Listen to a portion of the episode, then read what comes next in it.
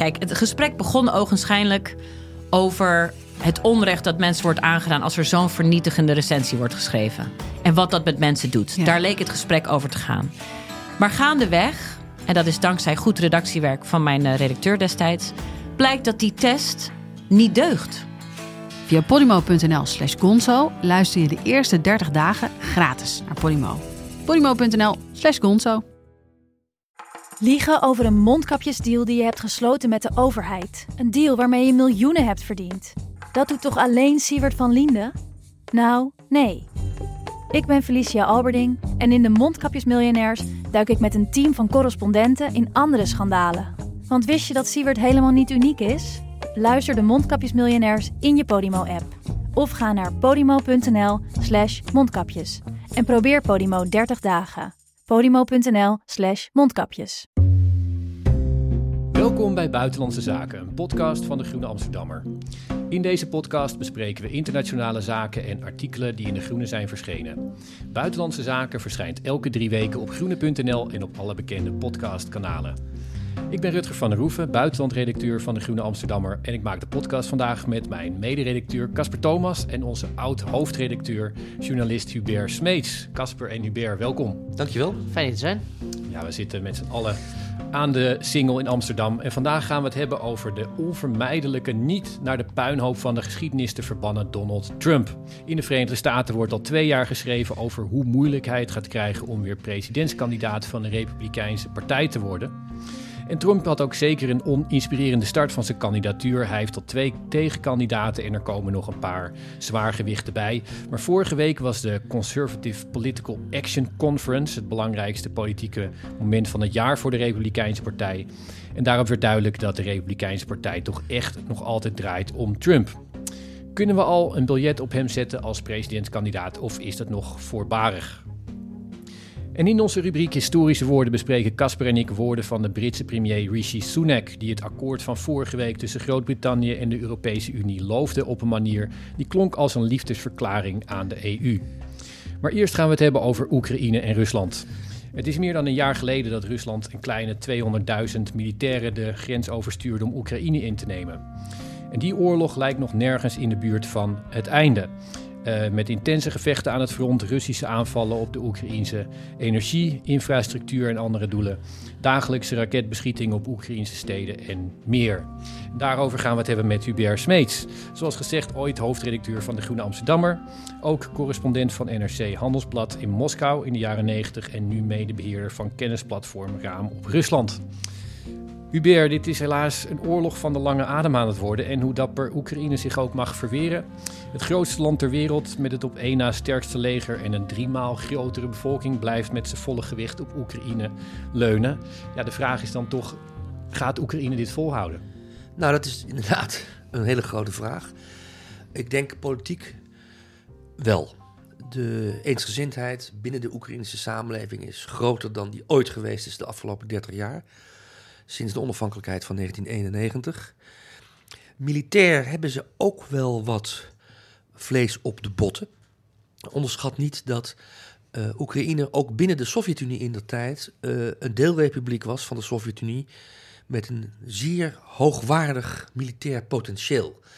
Een goede vriend van mij uh, in Rusland, een fotograaf, die belde mij een dag na het begin van de oorlog, 25 februari vorig jaar, 2022, op. En die zei, dit wordt een ramp, Hubert, ook voor ons. Want uh, die Oekraïners, die kunnen vechten. Ik zeg, hoe kom je daar nou bij? Nou, anekdote, hè? maar toch iets zeggend, deze anekdote.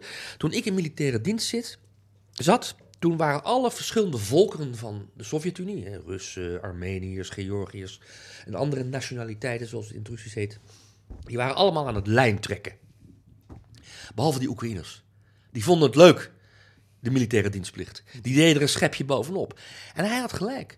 Um, en ik denk dat dat, uh, dat die traditie, uh, die in Oekraïne nu heel erg gekoesterd wordt, in de vorm van uh, waardering voor de Kozakken, et cetera, dat die traditie in Oekraïne juist heel erg een boost heeft gekregen het afgelopen jaar.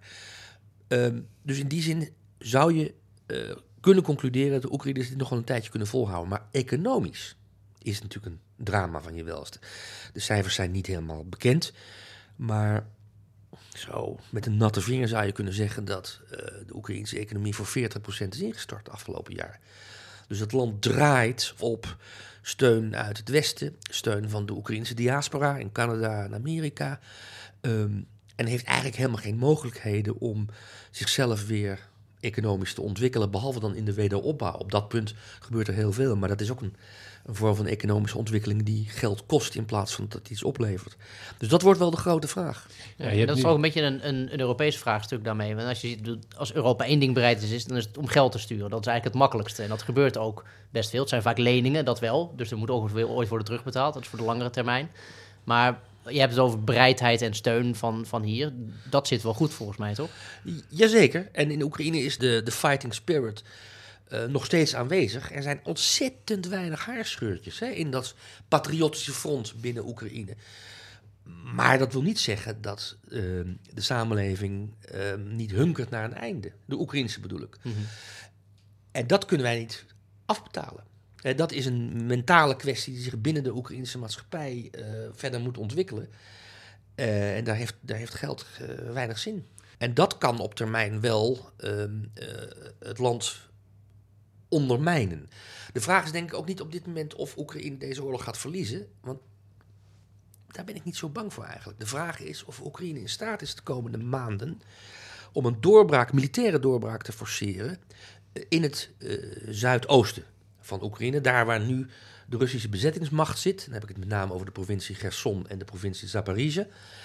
Uh, en als dat zo blijft zoals het nu is, als die frontlinies gewoon, ja, elke dag is een metertje of honderd voor of achterwaarts gaan. En als de Oekraïners niet in staat zijn om daar een doorbraak te forceren, en met name om die landweg die er is nu van de Donbass uh, over uh, langs Berdjansk en via de provincie Gerson naar de Krim. Als de Oekraïners niet in staat zijn om daar een, een wig in te drijven, een bres in te slaan, um, uh, dan kan deze oorlog op een uitputtingsoorlog uitdraaien. En dan zijn die andere vragen, die economische en politieke vragen, ineens veel relevanter. Ja, het is, het is interessant om in, het, in herinnering te roepen dat Zelensky uh, werd uh, een van zijn grote verkiezingsbeloften, die ook aansloeg, was dat hij vrede zou maken tussen Rusland en Oekraïne. Dus er, werd, er was toen grote moeheid met de oorlog die er al sinds 2014 met Rusland was. Hij uh, is, is Russisch sprekend, uh, wilde graag met, met Poetin en de Russische regering in overleg en wilde vrede. Denk je dat als jij zegt van nou dat, dat politieke, die politieke eenheid die er nu is, daar kunnen scheurtjes in komen, denk je dan bijvoorbeeld aan een, aan een soort vredespartij die in de verkiezingen hem gaat uitdagen? Of hoe zou dat eruit moeten zien? Nou, die verkiezingen zijn over een jaar. Uh, als het uh, volgens plan zou verlopen. Dat, dat er dan sprake zal zijn van een revival van de pro-Russische krachten in Oekraïne. De pro-Russische krachten in Oekraïne zijn verslagen het afgelopen jaar. Ze hebben de benen genomen. Uh, ze zeggen vlucht naar Rusland of naar westerse belastingparadijzen. Of ze houden zich koest. Uh, je ziet in alle opiniepeilingen dat de behoefte om nog iets met Rusland te maken te hebben in Oekraïne uh, tot, een, nou ja, tot een dieptepunt is gedaald. Laat ik een klein voorbeeld noemen. Nog maar 5% van de Oekraïners beschouwt zich Rus. Dat was 20 jaar geleden 17%. Nou, 5% dat is echt marginaal. En ik denk dat wanneer uh, je die Russen in Oekraïne, althans zij die zich Rus voelen, zou vragen: wil je Rus zijn onder de in de moederschoot van Moskou of toch liever Rus binnen een Oekraïnse samenleving, dat ze dan ook nog voor tweede kiezen. Dat ze Oekraïne toch liever Oek Rus zijn in Oekraïne dan Rus zijn onder de knoet van Poetin. Het probleem zit meer in de vraag of Oekraïne de komende maanden in staat is om een militaire doorbraak te forceren. En wat dat zou een enorme boost kunnen betekenen voor het politieke front dat zich op dit moment heel hecht heeft ontwikkeld in Oekraïne. Als dat niet gebeurt, dan zou je daar wel wat uh, regressie kunnen gaan zien. Dan zou je uh, kunnen verwachten dat oude Oekraïense politieke tegenstellingen, die in Oekraïne heel vaak georganiseerd zijn rondom clans, in steden bijvoorbeeld. Hè. Dnipro is een eigen Politieke clan. clans, geen, Politiek... geen familie. Nee, dat zijn politieke clans of economische clans, hè, die, die industrieën beheersen of bepaalde handelsstromen uh, beheersen. Die zouden dan weer op kunnen komen. Maar op dit moment voorzie ik dat niet. Um, en dat komt mede om, omdat Zelensky gekozen is op die ja, je zou kunnen zeggen, vredesagenda in 2019. En als er één persoon in, de, in, de, in de, het politieke landschap van Oekraïne is besodemieterd de afgelopen jaren. Dat is Zelensky. Zelensky was inderdaad een man die uh, handreikingen wilde doen aan Rusland om een soort van compromis te kunnen sluiten rondom het oosten van Oekraïne. Ehm, en die is bedrogen. En heel systematisch bedrogen. En de culturicide die zich nu afspeelt in, in Oekraïne, genocide gaat misschien wat te ver. Maar deze oorlog van Russische zijde is meer dan alleen maar een klassieke uh, militaire strijd. Het gaat echt om het vernietigen van de Oekraïnse cultuur. Waarbij uh, Oekraïnse kinderen uh, meteen worden beroofd van hun Oekraïnse kinderboeken. Of waar ze zelfs voor een deel worden ontvoerd naar Rusland om daar heropgevoed te worden in, in de grote Russische cultuur. In tegenstelling tot dat miserige provinciaalse cultuurtje dat de Oekraïners hebben. Als dat heeft natuurlijk dat heeft die, die, die, die, uh, die noodzaak om je te verzetten alleen maar versterkt. Dus daar uh, een boost zou, zou kunnen worden uh, gerealiseerd wanneer Oekraïne wat militaire successen zou boeken. Maar ja, met die paar Leopard tanks en die twee of drie Abrams die daar naartoe vervoerd zijn tot nu toe, gaat dat niet lukken. je ziet dat het Westen heel erg terughoudend is, eigenlijk inderdaad bij het woord voegen. Dus verbaal is er enorm van solidariteit. Eh, Casper mm zei het al, de rekeningen worden keurig betaald. Maar die laatste stappen, die zet het Westen toch liever niet met een terughoudend. En dat kan op termijn wel inderdaad een probleem worden voor Oekraïne. Op termijn van een paar maanden al, hè? En dan een uh, laatste aspect daarbij. Als je het hebt over het politieke, uh, of Oekraïne het politiek volhoudt, heb je het toch ook over, over buitenlandse politiek. Nou, laten we nu niet gaan speculeren hoe het met de eenheid in Europa eruit ziet. Dat hebben we wel vaker gedaan. Maar jij kent um, Oekraïne beter dan, dan wij. Heb je het idee dat er in Oekraïne zorgen zijn over, um, over die buitenlandse steun? Of dat er ook vertrouwen is, net zoals er in Europa is, dat die eenheid voorlopig nog wel blijft? Nee, die, die zorgen zijn er zeker in Oekraïne. Op dit moment telt men in Oekraïne zijn zegeningen. Want, laten we eerlijk zijn, zoveel eenheid aan westerse kant hadden ze een jaar geleden niet verwacht. Eh, Rutte loopt daar eh, de deur plat inmiddels in Kiev.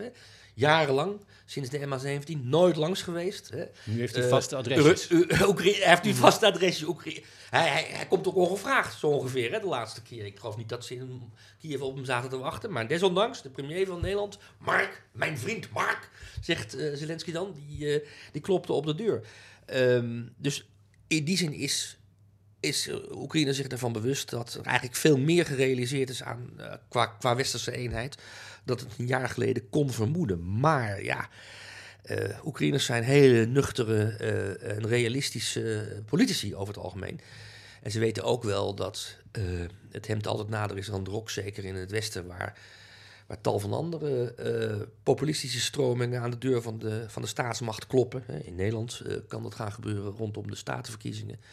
Dus ehm, die kennis is heel groot in Oekraïne. Dat valt me sowieso op. Hoe ongelooflijk veel Oekraïners weten van de westerse mogendheden waarmee ze te maken hebben. Tot in detail. Hè. Ik herinner me even de toespraak die... Uh, over Zelensky, en zo.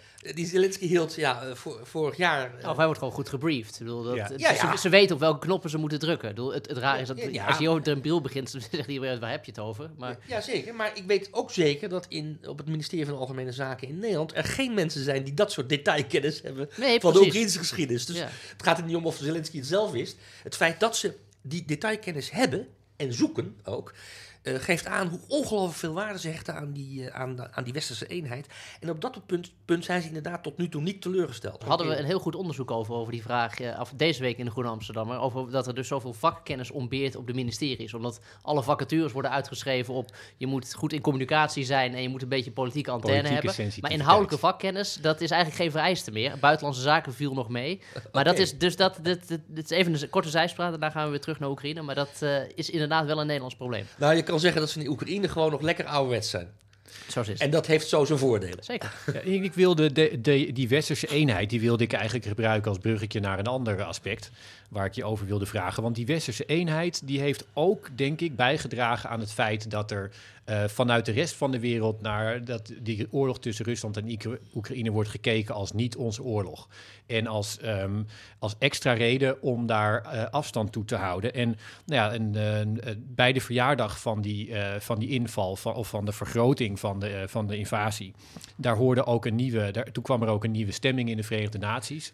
Nou, daar bleek dat Rusland nog steeds heel erg geïsoleerd stond. Een paar landen die, uh, die um, waren dan tegen de oproep dat Rusland onmiddellijk uh, zijn troepen zou terugtrekken. Maar toch kun je zien dat het Russische verhaal beter aanslaat in het, ja, wat we het mondiale zuiden kunnen noemen. Met name uh, China en India, maar ook Zuid-Afrika en Brazilië. dat zijn toch belangrijke landen. Dat, dat zie jij toch ook, Hubert? Ja, zeker. Maar deze, deze grote mogelijkheden in, buiten Europa kiezen geen partij nog. Hè. In één jaar tijd heeft Rusland er twee bondgenoten bijgekregen.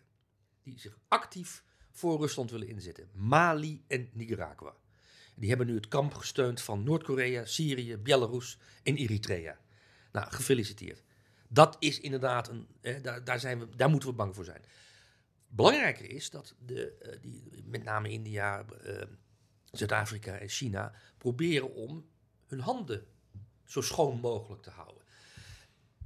En dat is in, wel zorgwekkend, ook voor, uh, voor uh, Oekraïne en zeker voor het Westen, omdat het duidelijk maakt dat het verhaal wat wij hier in Europa ervaren, zoals ik het vandaag wel ervaar, als een oorlog tegen de Europese democratische pluriforme rechtsorde, dat dat in buiten Europa heel anders wordt ervaren.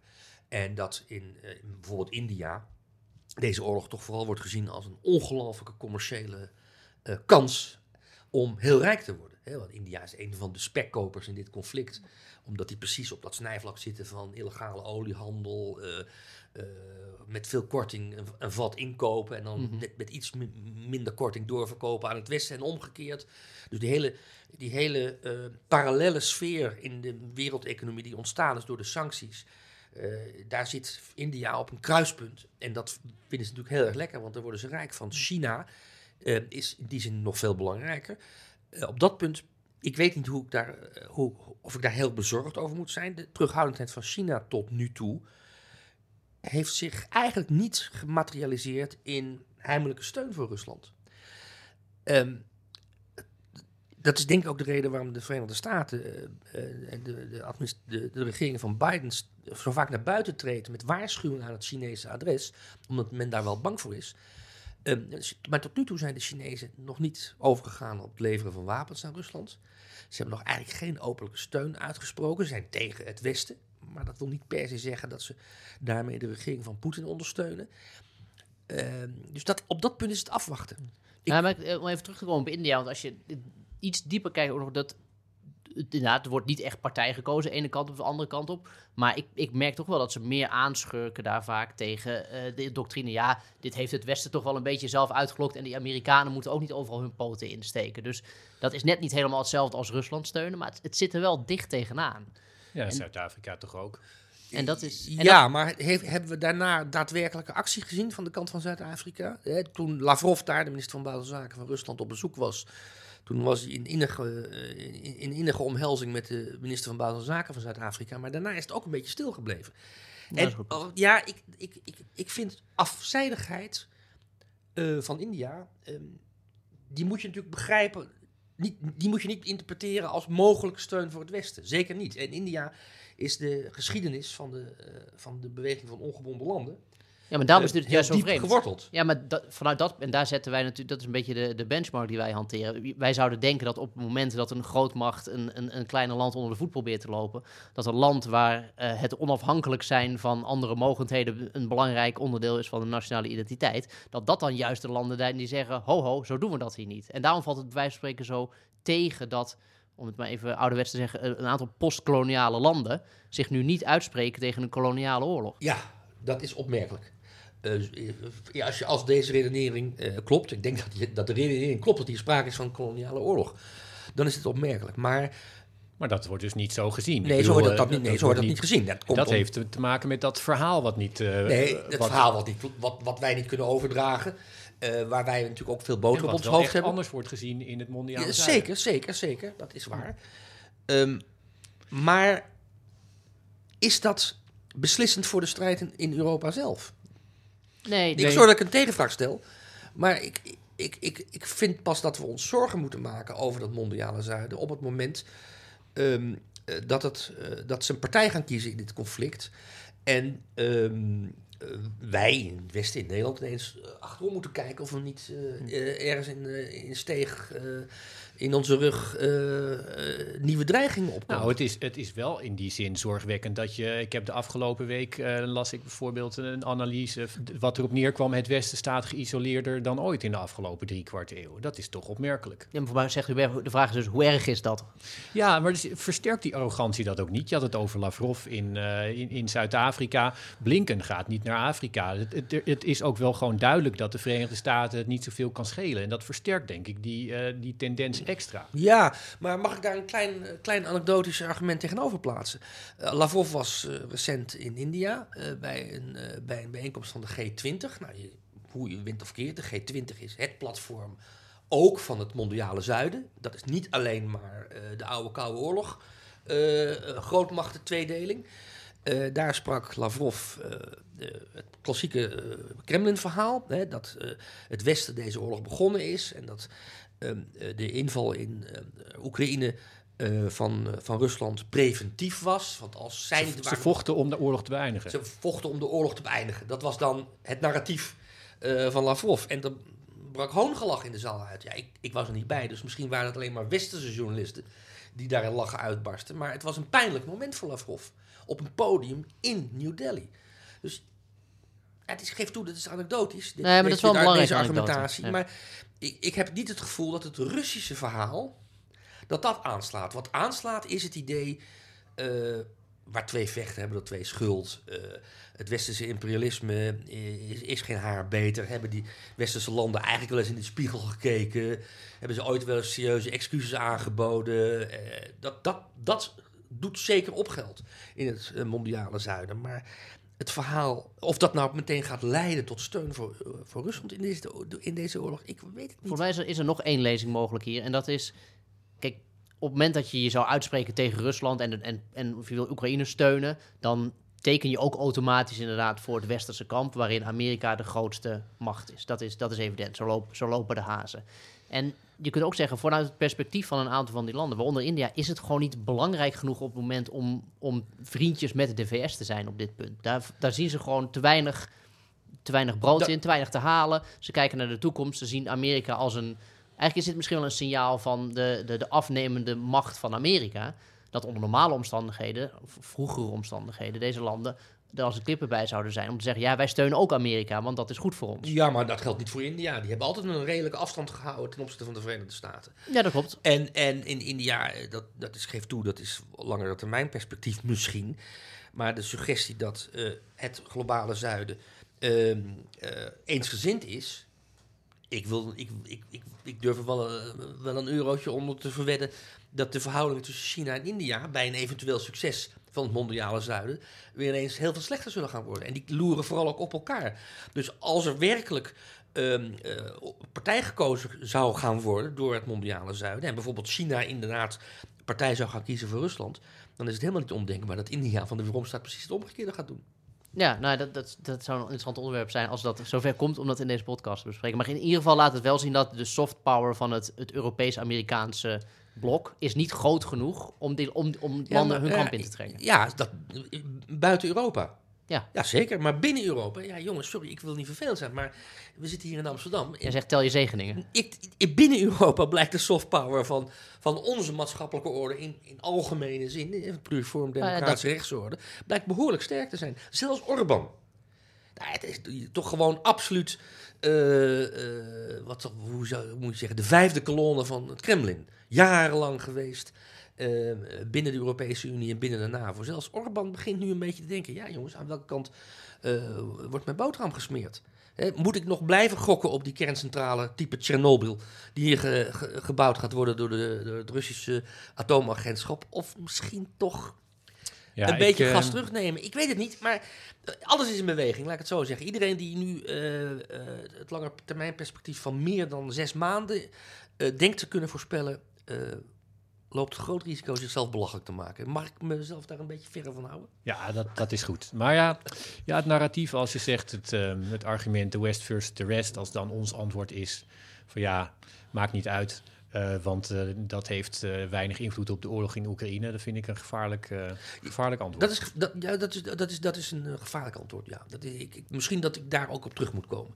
Maar de, de West is wel economisch gezien nog steeds een serieuze factor in de wereld. Laten we niet doen alsof wij hier, eh, ondanks alle problemen in de verzorgingsstaat... alsof wij economisch eh, vele toontjes lager zingen dan 10, 20 jaar geleden. Dat is niet waar. Je schreef laatst in de NRC een essay over alle onjuiste voorspellingen over de oorlog in Oekraïne. Die, ehm, die het afgelopen jaar met name in het begin van die oorlog had gelezen.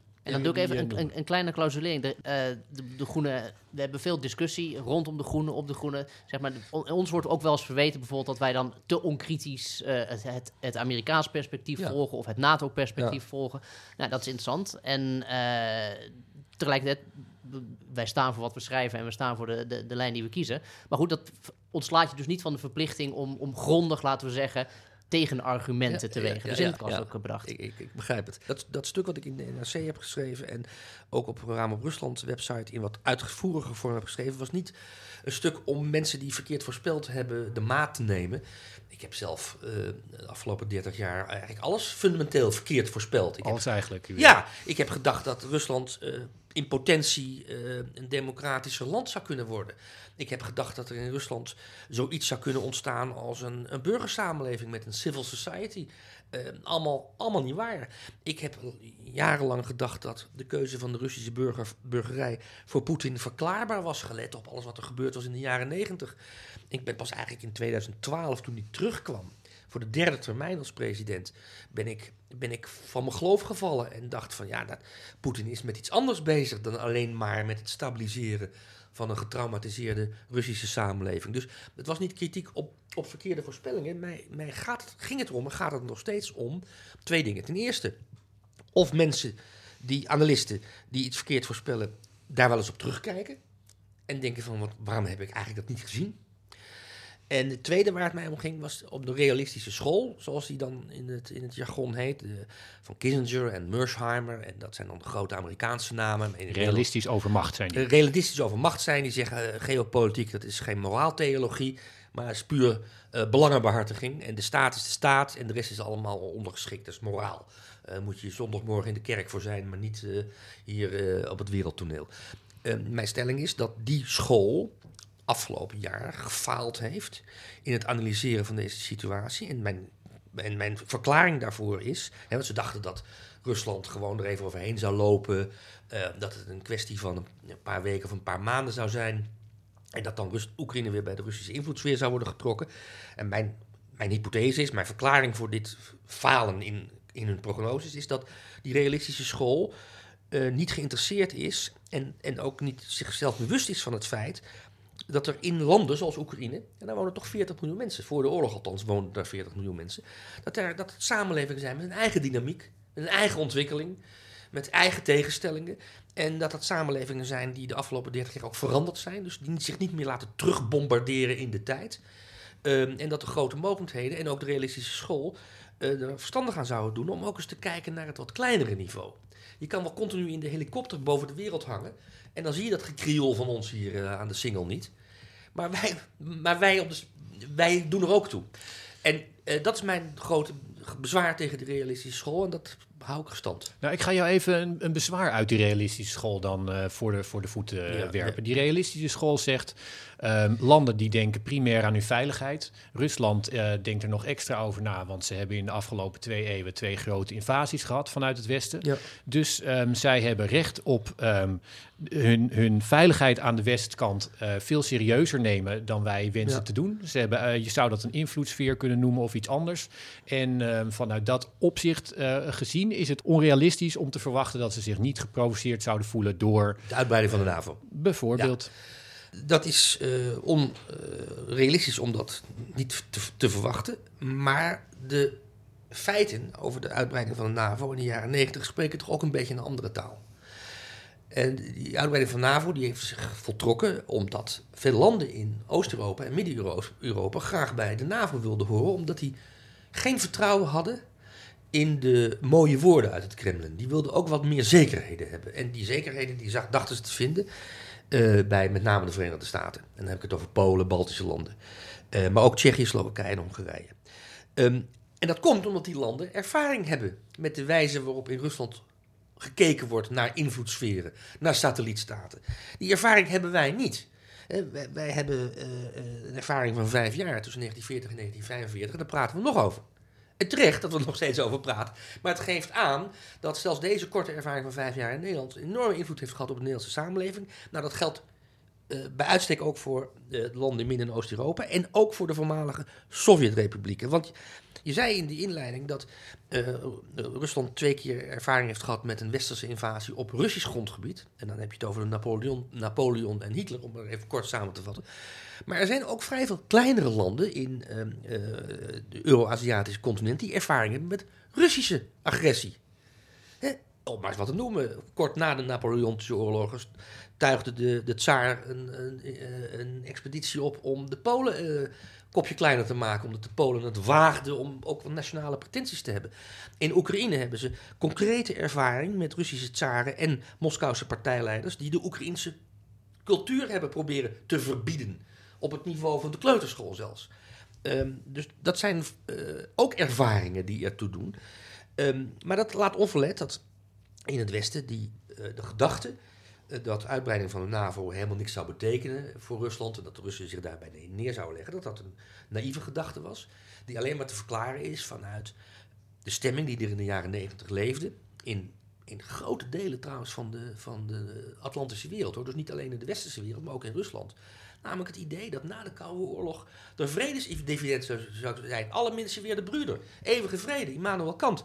Dat was de sfeer toen. Dat was de tijd ook dat in Moskou er een serieuze vleugel was binnen de Russische politiek. die dacht en die droomde van een NAVO-lidmaatschap voor Rusland. Dat was niet een, een, een, een, uh, hoe zeg je dat, een fopspeen van, uh, van uh, de NAVO om de Russen koest te houden. Het was ook in Rusland zelf een, een perspectief. Het idee van, nou, wij, post-industriële wereld, wij gaan nu de gendarmerie van de hele wereld zijn. De vraag is zelfs letterlijk een keer aan Poetin gesteld op Amerikaans, door een Amerikaanse interview. En Poetin antwoordde toen een beetje cryptisch natuurlijk altijd, maar ja, waarom niet? Gorbachev daarvoor, toen bestond de Sovjet nu, nu ook nog, die vond dat een heel interessant idee. En dat is ook verklaarbaar vanuit de, die tijd. Hè? Dus je kan wel achteraf zeggen, en, dat, die, die, die, kritiek is terecht hoor, dat de NAVO veel te weinig rekenschap heeft gegeven van de revanchistische gevoelens, het ressentiment in Rusland en de vernederingsgevoel wat er leeft in Rusland. Dat is allemaal tot je dienst. Maar in die jaren negentig, in die tijd van het vredesdividend, die tijd van uh, uh, de derde weg, de tijd dat Wim Kok door Bill Clinton werd uitgenodigd in Denver om uit te leggen hoe je dat nou aanpakt. De sociale vrede uh, tussen arbeid, en kapitaal. Die, die tijd moeten we niet uit het oog verliezen. Die was reëel. Dat was niet, een, dat was niet verzonnen. Dat was een, een, een, een werkelijk gevoel dat, het, dat na de Eerste en de Tweede Wereldoorlog en na de Koude Oorlog er werkelijk nieuwe verhoudingen mondiaal zouden kunnen gaan ontwikkelen. Uh, voordat ik hier nu als een havik uh, mezelf neerzet, voel me wel een havik hoor, als het gaat om deze oorlog. Ik, als mensen aan mij vragen, ben je een duif of havik? En dan kijk naar de duiven in Nederland, dan denk ik van nou, in dat uh, gezelschap verkeer ik liever niet. Dus ik, ik, ik ben in zekere zin een havik geworden, maar dat wil natuurlijk niet zeggen dat die oorlog door moet gaan. Waar het om gaat is alleen dat het niet aan ons is om die oorlog uh, te beëindigen door hier aan de knoppen te draaien en kranen dicht, uh, dicht te draaien. Maar dat het aan de Oekraïners is en aan de Russen of ze deze oorlog kunnen en willen voortzetten. En dat is niet, het is in, in, in primair niet aan ons. De realistische school vindt dat dat in Washington en Moskou beslist moet worden. En mijn idee is dat het aan de mensen in de Oekraïne is om hun positie te bepalen. En dat het volgens aan ons is hoe ver we mee willen gaan. En niet je, je zegt eigenlijk, het is aan hun om, uh, om op een gegeven moment uh, te accepteren dat zij hun land niet geheel gaan terug veroveren. En, dat moment zou, kunnen, dat, dat zou zich kunnen voordoen, ja. Maar op dit moment is het niet aan ons om hen daarvan te overtuigen dat ze zich daarbij moeten neerleggen. De volgorde moet echt zijn eerst Oekraïners en dan wij, en niet omgekeerd. Nou, wij gaan ze ook zeker hier niet in buitenlandse zaken van iets anders uh, proberen te overtuigen. Hubert, heel erg bedankt voor je tijd. Niets te danken.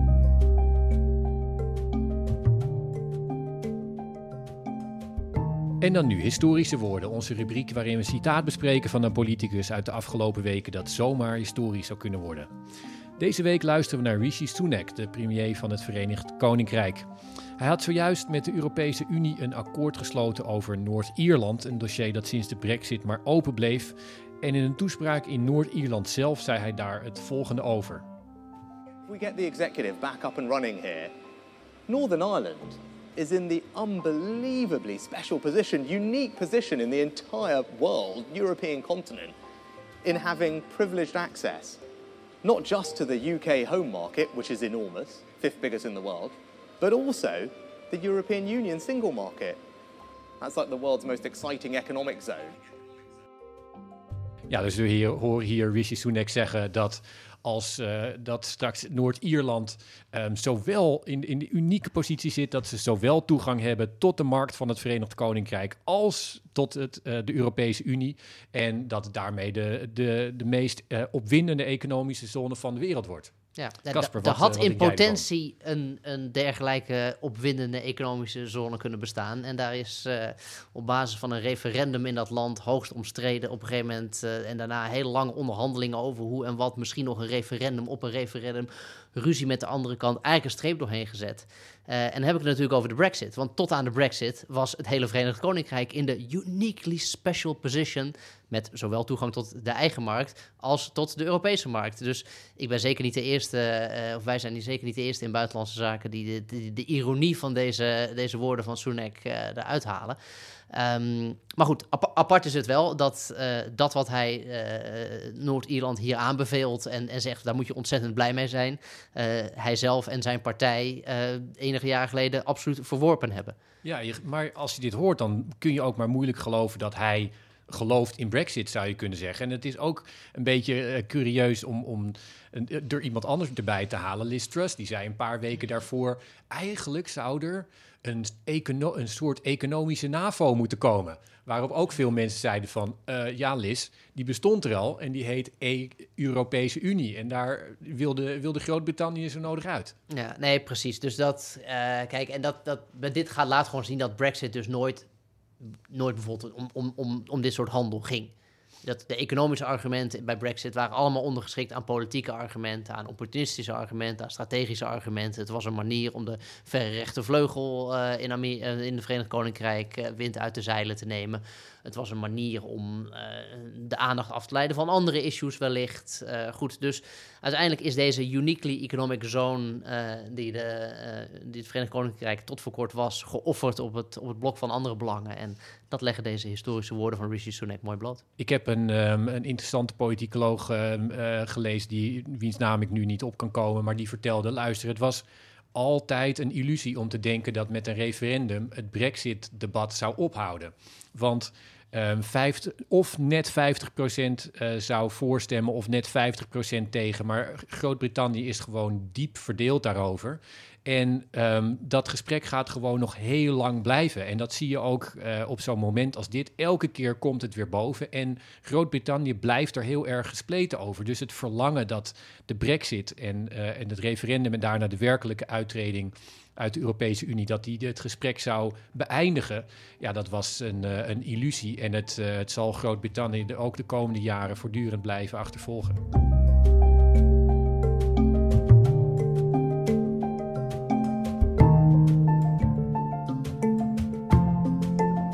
En dan nu de Verenigde Staten. Ik zei het al in mijn intro, de Sphinx Donald Trump is toch weer uit de as herrezen. Op de CPAC, de Republikeinse partijdag, werd duidelijk dat hij toch echt de kloppenman is als het gaat om de kandidatuur voor het presidentschap van de VS bij de verkiezingen van 2024. Hij onderstreepte dat met een anderhalf uur durende speech met alle ingrediënten die we van hem kennen. Casper, um, ik zal maar gewoon even zeggen, waarom moeten we het nu weer over Donald Trump hebben? Ja, nou kijk, ik vind natuurlijk dat we het nooit genoeg over Donald Trump kunnen hebben. Maar dat, dat, dat, dat is mijn persoonlijke uh, Amerika-obsessie. En het feit dat mijn tijd daar sterk verbonden is met het presidentschap van die man. Nee, maar even serieus. Er is een goede reden om het nu over, over Trump te hebben. Of eigenlijk over de Republikeinse Partij in den breedte. En dan de vraag: wie zijn naar voren gaan schuiven als presidentskandidaat? Want uh, de, de race daarvoor, die is eigenlijk, zou je kunnen zeggen, nu wel begonnen.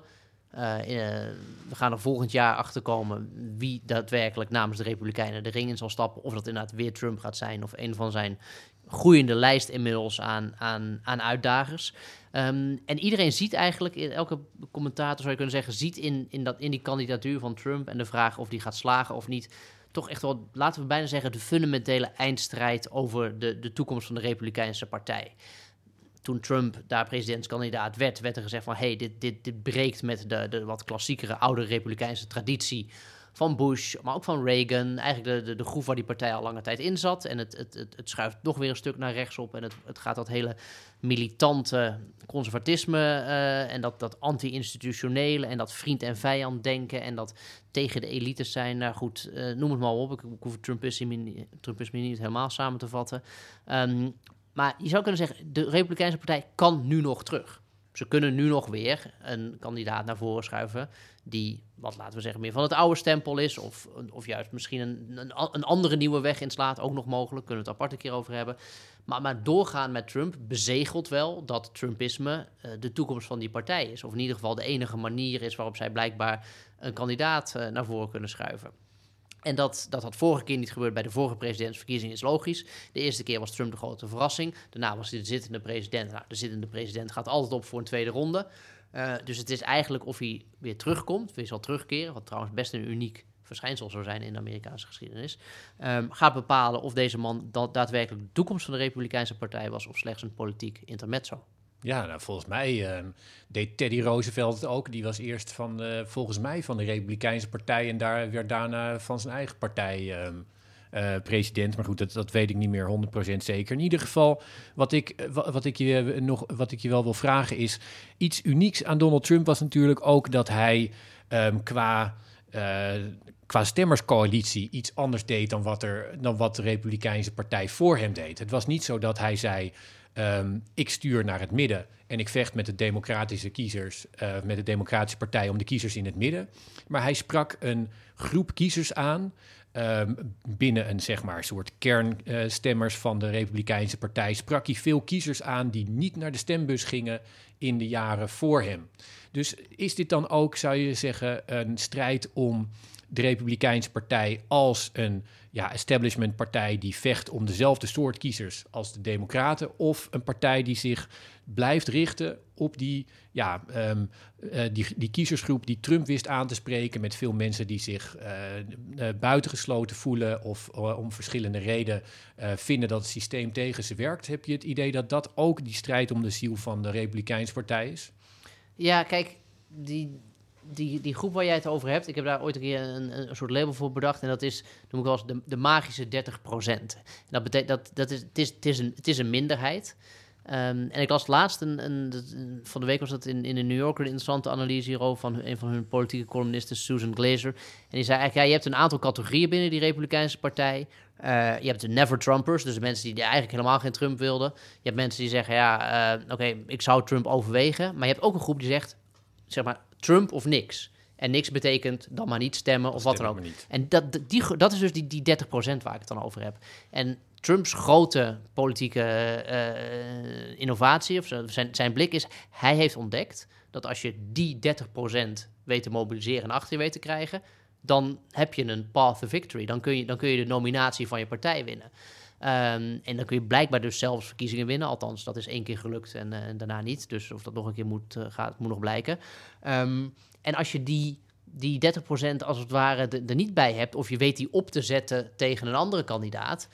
dan, dan, wat ik zeg, dan ga je altijd... En daarom lijkt het erop dat deze primary bij de Republikeinen... heel weer gaat lijken op de vorige... waarbij er een aantal kandidaten zich melden. Nou, Trump heeft die, die only Trump-basis. Er is geen enkele kandidaat die een achterban heeft die zegt: het is mijn kandidaat of en niks. anders doe ik niet meer mee. En de hele Republikeinse Partij weet dat. Ze weten dus dat ze met Donald Trump een bepaald electoraat naar de, naar de stembus kunnen trekken. Dat ze anders gewoon nooit, dat ook niet op een andere Republikein zal stemmen. En daarmee, uh, dat is eigenlijk gewoon een soort heel slimme politieke hefboom als het ware, die, die de Republikeinen en Trump hier hebben ontdekt. En het is nog niet bewezen dat, dat ze het zonder die hefboom op enige manier gaan redden. Ja, en als je het toch hebt over, die, um, over, over de Republikeinse Partij en hun relatie tot, um, tot Donald Trump. Het afgelopen jaar heb ik toch uh, best wel vaak gelezen dat de Republikeinse Partij um, verder kijkt dan Trump. Dat er, eh, er waren natuurlijk mensen die, meer mensen binnen de partij die openlijk zeiden van eh, we kunnen beter een andere kandidaat hebben. Wat ja, in het Trump-universum gewoon een, een verschrikkelijke vorm van verraad is. Maar de hele, binnen het establishment, dus dan heb je het over senatoren, eh, afgevaardigden en andere zwaargewichten uit het verleden, waren gewoon veel meer mensen die zeiden het is wel tijd voor een, voor een ander iemand. Hoe, hoe sterk is nou die, die trouw aan Donald Trump in de partij zelf? Nou, die, die, die wisselt en bepaalt meer een open deur, maar tegelijkertijd goed om daar even bij stil te staan. Die loyaliteit die trekt aan op het moment dat Trump de, de, hun, hun presidentskandidaat is of in het Witte Huis zit. En op het moment dat dat scenario minder relevant of ja, minder toepasbaar lijkt, omdat hij dan wel eh, inderdaad buiten de politiek staat, zoals dit moment, of op de verliezende hoek zit, dan neemt die loyaliteit weer af. En dat is een model dat op een bepaalde manier prima werkt voor een heleboel Republikeinen. Want het zal de Donald niet interesseren of je, eh, kijk, als je ooit, ooit iets negatiefs over hem hebt gezegd, of je bent ooit tegen hem geweest, als je daarna de hiel likt, is, is het al snel weer prima. Dus om het, kijk, Trump is geen vergevingsgezinde man, daar komen we zo nog even op, over het vaak zuchtige thema van zijn, van zijn huidige campagne. Ehm, maar als je op een gegeven moment bereid bent weer loyaliteit te zweren, dan, dan is het al snel goed. Nou, dat gebeurde natuurlijk na 2016, toen hij president werd. Het- de hele partij had hem verguisd. eh, de Republikeinse senatoren maakten hem uit voor, voor, voor, voor, voor de meest nou, ernstige beschimpingen. Ze vonden hem gestoord, eh, grof, waardeloos. Nou goed, noem het allemaal op. En toen hij helemaal kandidaat was, eh, ja, toen, toen draaide een heleboel als een, als een blad aan de boom. En ik heb daar een mooi boek over gelezen afgelopen week. Het heet Thank You for Your Servitude. Het is, geschreven door een, een journalist bij Atlantic, die heet Mark Leibovich. Ehm, komt trouwens ook spreken in Nederland. Eh, dat is dan op 15 maart bij John Adams Institute hier in Amsterdam. En wat die Leibovich heeft een soort cultuurschets, een soort zedenschets van Republikeins Washington onder Trump geschreven. En het grote meeneempunt daaruit was dat hij interviewde op een gegeven moment Lindsey Graham, een senator uit, South Carolina, die dan, eh, hij vroeg, die Leibovich vroeg aan, "Ja, maar waarom ben je nou in één keer eerst voor je Trump een, eh, een gestoorde gek en nu ineens ben je zijn beste vriend en ga je met hem golven? En Graham zei, ja, dat klopt, ja, maar als je mij een beetje kent, ik wil gewoon graag altijd relevant zijn. En daarom doe ik dit. En dat is eigenlijk geldt voor heel veel Republikeinen. Hun manier om, om voor zichzelf om relevant te blijven, of in, eigen, in hun eigen ogen relevant te blijven, is door mee te waaien met degene die komt die komt bovendrijven. En als je dan iemand hebt die, wat ik zeg, die die strategische 30% weet te mobiliseren en op die manier komt boven te drijven, kun je daarmee dus je hele partij in greep houden. Want, en uiteindelijk komt het wel neer op, ik verkies mijn eigen macht en mijn eigen positie en relevant zijn tussen aanhalingstekens eh, boven principes. Ja, en als je, maar als je het hebt over nu boven komen drijven, dan is het in de Republikeinse praktijk. Betekent dat in praktijk dat Trump weer de, de man had ingehaald die, eh, waar, waarvan veel mensen dachten dat hij eh, de reizende ster was. Ron DeSantis, eh, gouverneur van, van Florida. Die deed een aantal dingen, zei een aantal dingen, waardoor heel veel Republikeinen in ieder geval dachten van, oh, dat is een, een belofte voor de toekomst. Ehm, wat denk jij? Die uh, DeSantis die was laatst trouwens in Californië. Uh, voor het eerst eigenlijk begon hij een, uh, een, zijn campagne ja, nationaal te maken, zou je kunnen zeggen. Wordt het wat met, met hem? Ja, ik vind dat heel lastig te zeggen. En, en ik ga me daar niet nu over grote voorspellingen, niet wagen aan grote voorspellingen. We moeten dit nog zien. Uh, die, die Leibovich, die zei ik ook toen ik hem een keer sprak, van ja, dit, dit wordt, je gaat nu de meest grove republikeinse campagne krijgen die je ooit hebt gezien. Mensen gaan, elkaar complete tent uitvechten. Uh, nou, laten we kijken wat er gebeurt. Het punt is, als mensen elkaar de tent uitvechten, dan wint Donald Trump meestal. Uh, dus dat is een, een, een, omineus teken. En de peilingen gaan een beetje op en neer. Dan, dan loopt DeSantis weer voorop, dan, dan loopt Trump weer voorop. Alleen, ik, het, is een beetje een herhaling van wat ik net zei, maar kijk, DeSantis heeft dus niet zo'n extreem loyale achterban. Hij doet het goed in Florida. Er zijn veel Republikeinse kiezers die hem als een, als een geschiktere uh, kandidaat achter dan Trump. Maar heeft, hij heeft geen fans zoals Trump die heeft. En geen achterban die niet komt opdagen mocht het Trump worden, bijvoorbeeld. En dat is gewoon het geheime wapen van, van, van Trump. En kijk, DeSantis is, de succesformule van DeSantis buiten Florida moet, moet, ook, moet ook nog maar eens bewezen worden. Niet heel Amerika is Florida. Uh, DeSantis zou wel graag zien dat Florida het nieuwe model voor Amerika is. Um, maar nogmaals, het moet maar, uh, dat, dat, dat, dat, dat is een strijd eigenlijk die we, die we, die we gaan zien. Ehm, en die peilingen, ja, wat ik zeg, dat is, die, dat is wat lastig ook om, om af te gaan. Want het heeft ook heel veel te maken met in welke staat peil je. Uh, peil je die groepen, die, die, die only Trumpers, die, die vallen vaak ook buiten de peilingen bijvoorbeeld. Uh, peil je die wel voldoende mee? Ehm, dus ja, ik, ik, ik acht uh, de kansen van Trump echt nog steeds zeer groot. Maar nogmaals, ik kan het niet volledig voorspellen. Ja, je had het net over het thema wat hij wilde inslaan. Ja, dan heb je het niet zozeer over een inhoudelijk thema, maar meer eigenlijk over een vormthema. Ik ben uw wraak, zei hij eigenlijk in, in, in, in, in zoveel woorden. Als je boos bent, stem dan op mij, want ik ben ook boos. Ja, nou en dat is, uh, en daarom zei Susan Glazer in de New Yorker ook van uh, 2024 Trump, die is veel gevaarlijker dan de 2020 Trump. Um, voor, vorige keer was het dan de belofte om uh, het moeras leeg te leggen en op te komen voor vergeten Amerika. Nou ja, beide zijn niet gebeurd, ondanks dat Trump daar jaar toch uitgebreide tijd voor had. En nu is de belofte, we gaan, we gaan wraak nemen op iedereen die ons dwars heeft gezeten in die tijd dat ik wel president was. Nou, dat, dat vraagt A van mensen dat ze hun, hun stem afstemmen op een geheugen dat minstens vier jaar teruggaat. Uh, nou ja, vooruit. Um, maar de vraag is, als, als dat je grote drijfveer is om, om het hoogste politieke ambt in de Verenigde Staten te verwerven, wat ga je daar dan vervolgens mee doen? En dan kom je dus al snel in de hoek inderdaad van mensen ontslaan die ergens in overheidsdiensten werken. Er zijn zelfs republikeinen die zeggen, ja, we moeten de complete ambtenarij ontslaan en vervangen door vrienden, want anders dan worden we te veel tegengewerkt. Um, die wraak-exercitie zou zich ook binnen de Republikeinse partij kunnen, uh, kunnen, kunnen afspelen. En uh, wraak is een, is een slechte raadgever. En natuurlijk, natuurlijk zeker in de politiek. Dus Trump vindt zelfs natuurlijk op een bepaalde manier dat de grondwet hem in de weg heeft gezeten. Want die schrijft voor dat hij uh, het, veld moet ruimen op het moment dat er een verkiezingsuitslag is die hem als, als de verliezer aanwijst. En um, dus ja, ik, dat, dat is een beetje de vrees dat de, de, de, de Trump die dan terugkomt, de wraakzuchtige Trump is en daar zijn hele presidentschap in dat teken zal stellen. Uh, nogmaals, of dat gebeurt, dat, dat, dat is een grote vraag. Trump heeft, heeft één keer verkiezingen gewonnen en daarna eigenlijk alles verloren. Dat is de, het, het gunstige eraan. Um, maar, en het, en het, het geeft de Democraten trouwens ook wel een kans om dan zeg, daar een positieve agenda tegenover te stellen. Op het moment dat de Republikeinen zeggen. Stem op ons als je boos bent. Uh, en de Democraten zeggen: Nou, stem op ons als je, als je iets wil en, en wil dat, dat je leven beter wordt. Dan is dat een, een goede premisse om verkiezingen mee in te gaan. Dat hebben we eerder gezien. Ja, en ik denk ook, um, Amerikanen zijn een uh, volk dat houdt van iets nieuws. En um, in die zin staat uh, Donald Trump, uh, denk ik, wel een beetje op achterstand. In de zin van dat hij, dat hij weer meer wil bieden van wat hij al heeft gedaan. Als dat de inzet wordt van zijn campagne, dan. Um, ik zou hem als ik zijn, als ik, zijn adviseur was iets, iets anders adviseren. Maar goed, dat, dat gaan we zien, Casper. Zeker. Dit was Buitenlandse Zaken, een podcast van de Groene Amsterdammer. U hoorde Hubert Smeets, Casper Thomas en Rutger van der Hoeven vanuit Amsterdam. De podcast werd gemaakt door Giselle Mijnlief vanuit Jamaica. Abonneer je op Buitenlandse Zaken via ons eigen kanaal in je podcast-app en zet de notificaties aan, dan mis je nooit een uitzending. Meer buitenland kunt u vinden in ons weekblad. Vorige week onder meer een artikel van Minka Nijhuis over Myanmar en over de NGO die zich inzet voor politiek gevangenen in dat land. En in het nummer dat deze week uitkomt vindt u Simone Korkus over protesten in Israël tegen het afschaffen van het Hoge Rechtshof.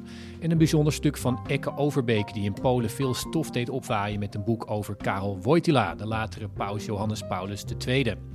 Overbeek ging daarvoor de archieven in van de Poolse geheime dienst en vond daar bewijs dat Wojtyla wist van misbruik in de Poolse katholieke kerk en zelf een priester overplaatste. Dank voor het luisteren. En als u meer van ons wil lezen of abonnee worden van de Groene Amsterdammer, ga dan naar www.groene.nl.